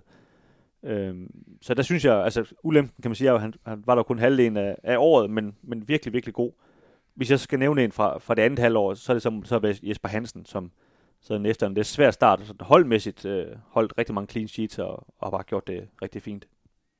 Ja, Der er jo nogle, nogle få spillere, der, der selvfølgelig går igen øh, over hele kalenderåret. Altså, der er en, øh, en Sebastian Hausner, en, en, Men, men det er en, svært en at... Frederik Tinger, en Nikolaj Poulsen, en, en Patrick Mortensen. Ikke? De her, der er også Thorsteinsson. Øh, Er der nogen af dem, der synes, der har været bedre end Kevin Dix? Jeg synes, hvis du ser over hele året, øh, så synes jeg, at den mest stabile spiller har været Nikolaj Poulsen, når han ikke har karantæne. Han har så, jeg tror, han har haft fem karantæne dage eller sådan noget, ikke? Hen, over, hen over kalenderåret. Han holder trods alt et, øh, et ret højt niveau i forhold til de opgaver, han nu øh, har inde på banen, og det, det han skal, øh, og det han skal bidrage med. Så hvis jeg skulle pege på en af dem, der ligesom har været der hele vejen igennem, altså hele kalenderåret, de andre kan jo ikke gøre for, at de så ryger andre steder hen og så videre.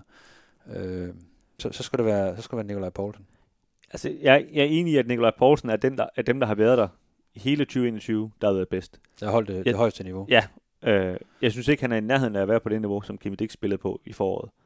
Nej, Øh, og der kan du sige, der, der er jo sådan, fordi du kan også, du har jo noget, med Kevin Dix, jeg har noget med, med Kasper Højer, ikke? Du kan sige, det de så leveret i, i, i de, de få måneder, øh, for det var jo få måneder, vi, vi, vi taler om, ikke?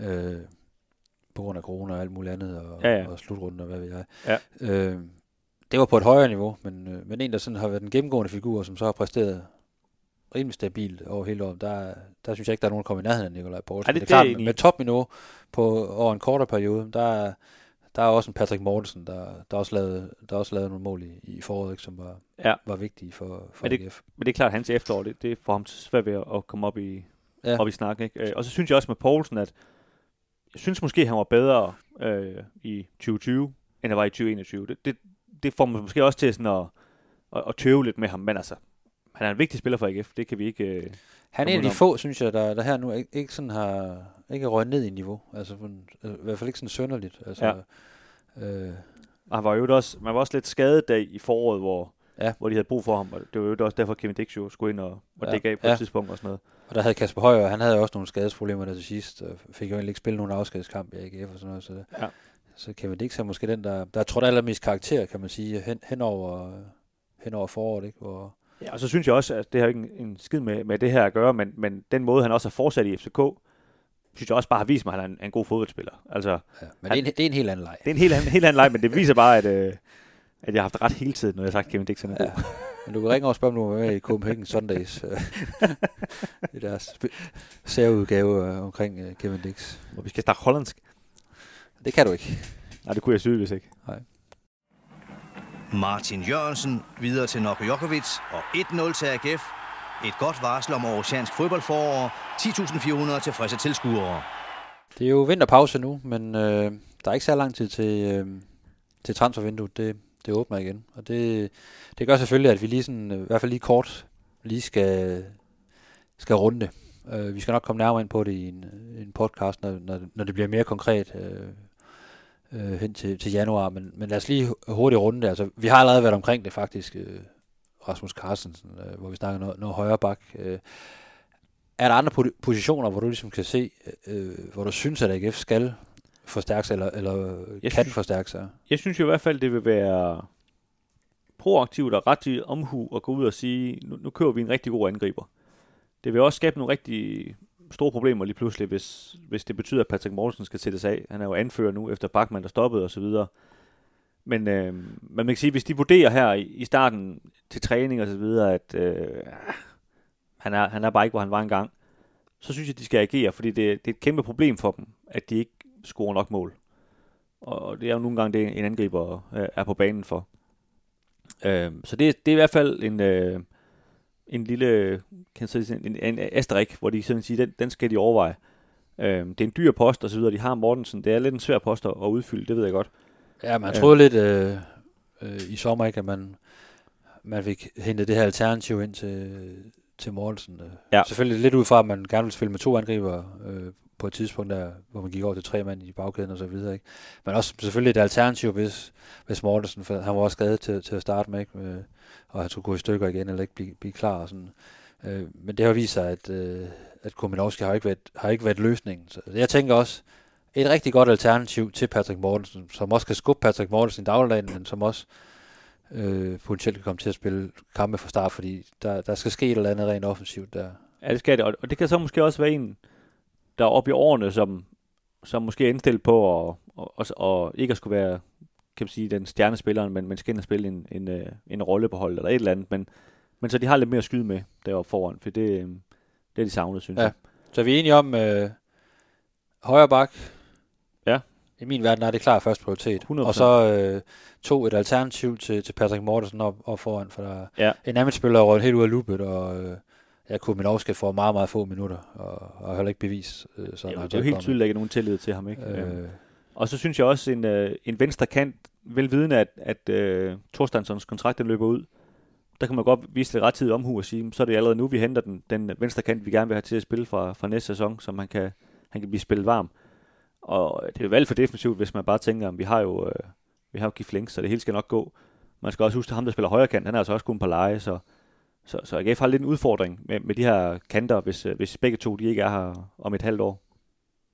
Ja, og det er jo også en del af det i transfervinduet. Altså, der kan også gå noget den anden vej, hvor man så enten forventeligt, eller øh, der kommer et tilbud ud af det blå til, til en af, af truppens spillere, hvor man så pludselig skal ud og agere på noget. Øh, det er jo, det er jo ikke til at, til at vide i, nu, nu når vi sidder her, men det er jo også en, en del af, af sportschefens øh, job selvfølgelig, at, hurtigt kunne reagere på det. Øhm, er der grund sådan, øh, i forhold til, hvordan AGF ligger i tabellen, med den her syvende plads, fire point op til, øh, til 6. pladsen, fem kampe igen øh, af grundspillet.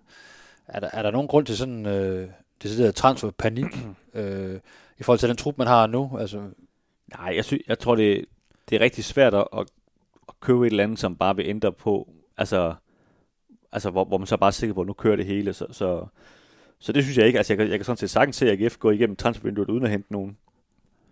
Jeg synes bare ikke, de har nogen højre bak, der er god nok. Øhm, og som sagt med det her, med det her angrebsproblematik. Øh, og jeg synes også, det vil være, det vil være rigtigt at, at adressere det allerede nu, det her med de kanter, som, som, som bliver et problem, de får. Ikke? Men, men det er jo lidt mere i forhold til om et halvt år i virkeligheden, end det er i forhold til nu. Øhm, og nu har de jo levet lang tid med at have en del højre baks, som ikke er gode nok, så, så det kan de vel også leve et, et halvt år øh, med endnu. Men, øh, men jeg tror bare ikke på, at dem, der er der, bliver, bliver så gode, at de kommer til at spille i længden. Man kan også sige, at AGF har jo allerede reageret sådan relativt sent i sæsonen med, med, med Andersen og, og med Bundo, og selvfølgelig også bundet en, en helt lille penge der. Ikke? Så, og, og normalt er vintertransfervinduet heller ikke lige så aktivt som, som det om sommeren. Altså, øh, selvom AGF faktisk øh, i de senere år har haft, haft en del, øh, ikke lige øh, det seneste vinter øh, transfervindue med de her lejeaftaler, men har ellers haft haft forholdsvis øh, stor succes med at hente nogen ind i... Øh, ja, altså Mortensen, ting er Mungsgaard... Lige præcis, det, det kunne Højer, kom der, ikke? Ja. Blume, de bliver alle sammen hentet i, i vinter, ikke? Så. Ja, ja Blume og, og, og Højer. Og Højer kom så lidt senere. Ja, det var en lidt speciel situation, fordi ja, der var noget men, øh, og sådan noget. Men de ja. blev ret hurtigt spillet ind, kan man sige, ikke? Ja. På, øh, på holdet. Så det er jo muligt ligesom at forstærke sig, så man, man, man fremstår i en endnu stærkere position. Øh. Men, øh, men umiddelbart, altså, jeg har en forventning om, der, der kan ske noget på, på nogle enkelte positioner, men ellers så, så skal man arbejde videre med det, man har, ikke? for der er allerede bundet ret mange penge i, det, i de spillere, man har, man har hentet ind. Og det er nemlig en god pointe, at, at øh, jeg tror faktisk heller, de vil, de vil have nogen ud, nogle lønkroner ud, end de vil fokusere ret meget på at få nogen ind, fordi ja. Øh, der er ingen tvivl om, at, at truppen den er, den er blevet lidt dyr på, på lønkroner, og, og især en mand som, som Patrick Olsen går rundt og hiver ret meget i løn, og, og det kunne godt være, at de tænker, øh, det var fint, hvis han fik den betalt af nogle andre. Så er det jo heller ikke sådan, jo, AGF har en målsætning om, at man gerne vil i top 6 øh, hvert år. Men det er jo ikke sådan, at, øh, øh at skurt det brænder sammen, hvis man tager en sæson her, hvor man ikke kommer med i, i top 6. For det handler også om, hvad, hvad for en forfatning kommer man så ind i top 6. Er man så kommer lige ind på den 6. plads, og har man så 10 point op til 4. pladsen, og 17 point op til 1. pladsen. Øh, det ved jeg også, det har Jakob Nielsen, det har jeg talt med Jakob Nielsen om før, så, så kan det måske være lidt lige meget, så er det måske i gode øjne lidt bedre at være på sikker afstand af, af nedrykning, og så og så, så spille øh, med ned i det andet øh, slutspil, hvor man så kan spille om den her syvende plads i hvert fald, og, og få muligheden for at komme ud i Europa. Ja, lige præcis. Øh, så der, der skal også være en guldrød ligesom at spille efter, ellers så kan det også blive nogle, nogle, nogle, nogle, øh, nogle tunge kampe og skal sætte sig op til, når der ikke er så meget at spille om, selvom det så kan være FCK, Midtjylland og Brøndby osv., man skal møde. Men, men alligevel, der skal, der skal være noget at spille om. Øh, så på den måde er det ikke sådan, at, at, at alt bare står og falder med, at de kommer i top 6. Øh, så derfor tror jeg ikke, at de vil gå fuldstændig amok i, i januar. Det er sådan, det vil være mærkeligt. Ja. Hva, tror du, der er nogen, der ryger? Ja, det, det, det tror jeg. Altså, der er der nogle, nogle spillere, hvor jeg tænker, de skal ud og... Jeg tænker, en, en Mungsgaard øh, er på vej væk. Altså, det, det, han, han har stort set ikke spillet i efteråret. Øh, er helt ude af loopet også. Og jeg tænker også en spil. Øh, så, så skal du da så skal du give manden chancen et andet sted, for det, ham, ham tror man da heller ikke på. Øh, og så tror jeg også, en Thorstein, som kan, hvis det, det rigtige bud det, det kommer, så er han jo snart væk, ikke? Altså, om det så bliver nu eller første sommer, det, det ved jeg ikke, men øh, ja, og så som sagt, det kommer også an på, om man kan få noget den anden vej. Ja, og som sagt, Patrick Olsen, øh, vi ved, de forsøgte at, at, at smide ham afsted i sommer, og det... Han er jo tæt på at ryge til Vejle, ja. i hvert fald. Og det tror jeg, hvis ellers de kan finde nogen, der, der gerne vil tage ham, tror jeg gerne, de vil, de vil skyde ham af igen. Men, men det er klart, der, der står nok heller ikke lige klubber i kø lige frem, måske, for at overtage hans løn, kunne jeg forestille mig. Nej. Et kvarter i anden halvleg, Johnny Vildstrup, frispark, og et nyt hovedstødsmål af Lennart Bak, og AGF er foran med 2-1. Men det er også fordi, de, de, de holder så meget til Torben Piknik, ikke også? Og så får jeg den plads, der skal til. Og det her fik jeg så også i dag igen. Her til sidst, Dennis, så skal vi øh, lige kigge lidt fremad. Øhm, og det kan vi gøre med udgangspunkt i den her 2025-plan, som AGF de, øh, de offentliggjorde i, øh, i efteråret 2020, altså for, for lidt over et år siden. Øh, og det kom jo sådan lidt i kølvandet på, øh, på bronzemedaljerne. Øh, og jeg kan jo lige læse op, hvad, hvad det var, man ligesom øh, forfattede der og, og sendte ud til, til offentligheden. Og det var noget omkring de, her, de sportslige målsætninger frem mod 2025. Øh, det var så i sæsonen 2021, skulle AGF først og fremmest kvalificere til mesterskabsspillet og europæisk deltagelse. Det skete jo så øh, med begrænset succes i, øh, i den europæiske deltagelse, hvor man så sige. Ikke? Men hvert år skal AGF som minimum være i mesterskabsspillet. Det vil sige, at man har en forventning om, at man kommer i top 6 hvert år. Det kan der være spørgsmålstegn ud for i den her sæson. Må man sige, ja. Senest i 2025 skal AGF minimum to gange have vundet medaljer i Superligaen. Det er jo så ud over de her bronzemedaljer. Så øh, Den er også hård. der har man også lidt, lidt travlt. Øh, det bliver nok ikke i den her sæson i hvert fald. Senest i 2025 skal AGF minimum en gang være kvalificeret til et europæisk gruppespil. Så skal man op på, på hesten af i hvert fald. Og, øh, ja. Ja, den er hård. Altså man kan sige, øh, hvis, hvis de skal kvalificere sig igennem de traditionelle kvalrunder, så er den rigtig hård.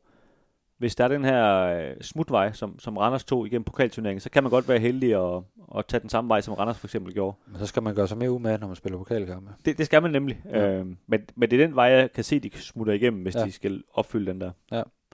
Og der står så i lidt forlængelse af det, du lige sagde, altså i 2025 skal AGF stadigvæk være den mest vindende klub i den danske pokalturnering. Og som minimum o- have opnået den 10. pokaltitel. Det vil sige, at man skal, man skal nå at vinde pokalfinale inden 2025. Og lige nu der er det sådan, at AGF er, er jo det, det, den mest vindende danske klub i pokalturneringen med, med ni, ni titler. Øh, FCK har 8, og Brøndby har, har 7. Og der kan jeg så glæde dem med, at både Brøndby og FCK er slået ud af pokalturneringen. Ja, så, så de, kan, de kan ånde lidt op i den her sæson, at der ikke er nogen, der kommer der. Men, men øh, de har så også presset sig selv lidt ved, at de, øh, de skal nå at vinde en inden, inden 2025. Men altså igen, en klub af AGF størrelse, de, de, skal jo, de skal jo ud og sige, at de går efter at vinde pokalturneringen hvert år. Selvfølgelig skal de det, og muligheden er der jo også. Det kan du bare se på de, de hold, der er gået videre nu. Altså, og de seneste års pokalfinaler, det er jo ikke fordi, at... Øh, Men altså man må jo sige, at, at uh, Sønderjyske, som, som slog AGF ud, altså de har lige slået videre over, og de skal møde uh, OB, tror jeg det er, ikke? Ja. Uh, I semifinalen. Det er også en vej, som, som AGF burde kunne se en, uh, en plads i finalen i. Nu, nu kan de jo ikke, fordi de ikke kunne finde ud af at slå Sønderjyske, men, men altså, det er jo ikke, fordi de har, de har slået det ene store hold efter det andet Sønderjyske, vel?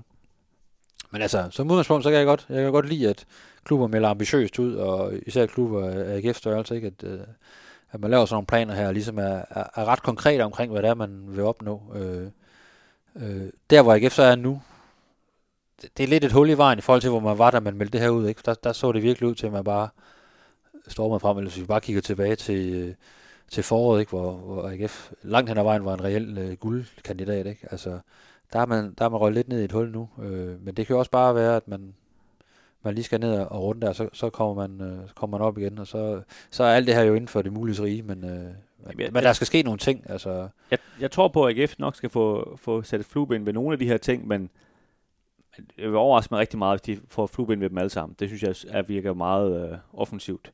Men som du siger, jeg synes heller ikke, der er, der er ikke noget galt i at sætte øh, fem øh, kan man sige, øh, ønsker, og så ikke opfylde dem alle sammen. Altså, det må godt være lidt en høj overlægger. Øh, det synes jeg egentlig er, er, meget fedt. det synes jeg bare er for fristende. Altså, Øh, så, så for det.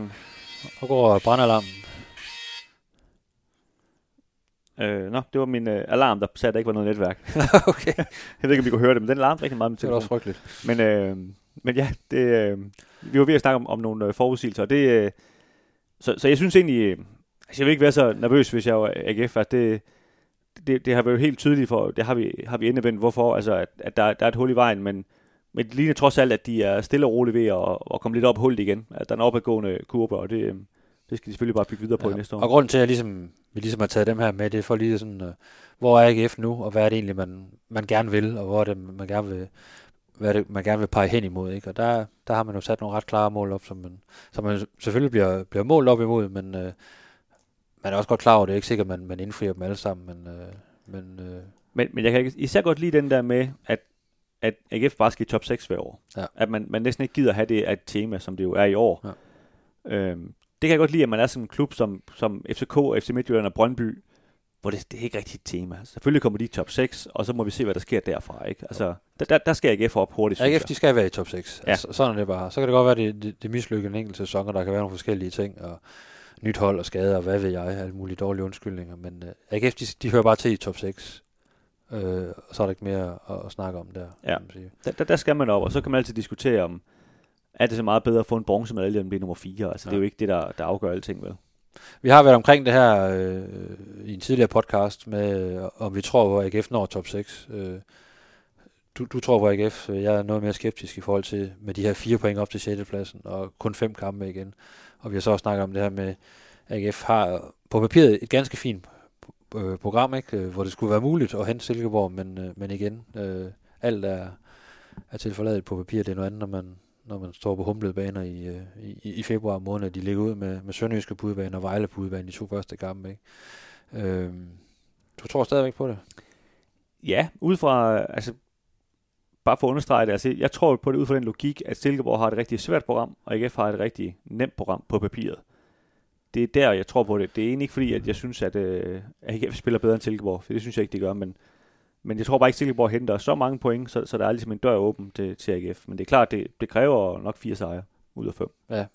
Og mit argument, det går på, at der er ikke nogen, der er ikke nogen nemme programmer, når vi snakker opstart efter en vinterpause. De første kampe, det er altid noget, noget frygteligt rodet og, og tit tilfældigt, hvem der lige løber af med, Og det er du ret i. med, med sejren. Så et par uger gjort resultat, så er du allerede væk øh, så, som AGF, ikke? Øh, fordi der ikke er, der ikke er flere kampe at, at, at, at hente det tabte i. Så, men lad os se, hvordan det, det kommer til at gå. Men vi kommer nærmere ind på det, når vi kommer tættere på, på, på årets øh, første kampe. Så skal vi ikke bare sige øh, tak for den her gang? Det blev øh, lidt langt igen. Ja. Men Det, Sådan er det. Vi der siger god jul. Ja.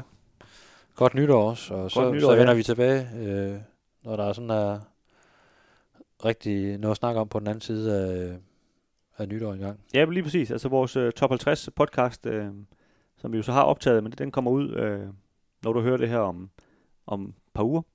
30. december, sandsynligvis. Og øh, ja, så kommer vi på et eller andet tidspunkt i, i januar med en, øh, en øh, podcast om, om øh, den nær forestående Superliga-start på et tidspunkt. Det kan være, at man henter Pierre Emil Højbjerg hjem fra, fra Tottenham, så så går vi, at vi laver en speciel udsendelse om det. Men, Ja, øh, lad, lad Jeg os tror se. ikke, altså, det skal være noget vildere, hvis vi skal lave en udsendelse om det. Ja, er noget lidt større, ikke? Jo. Ja. ja. Det synes jeg. Det er godt. Tak fordi I lyttede med.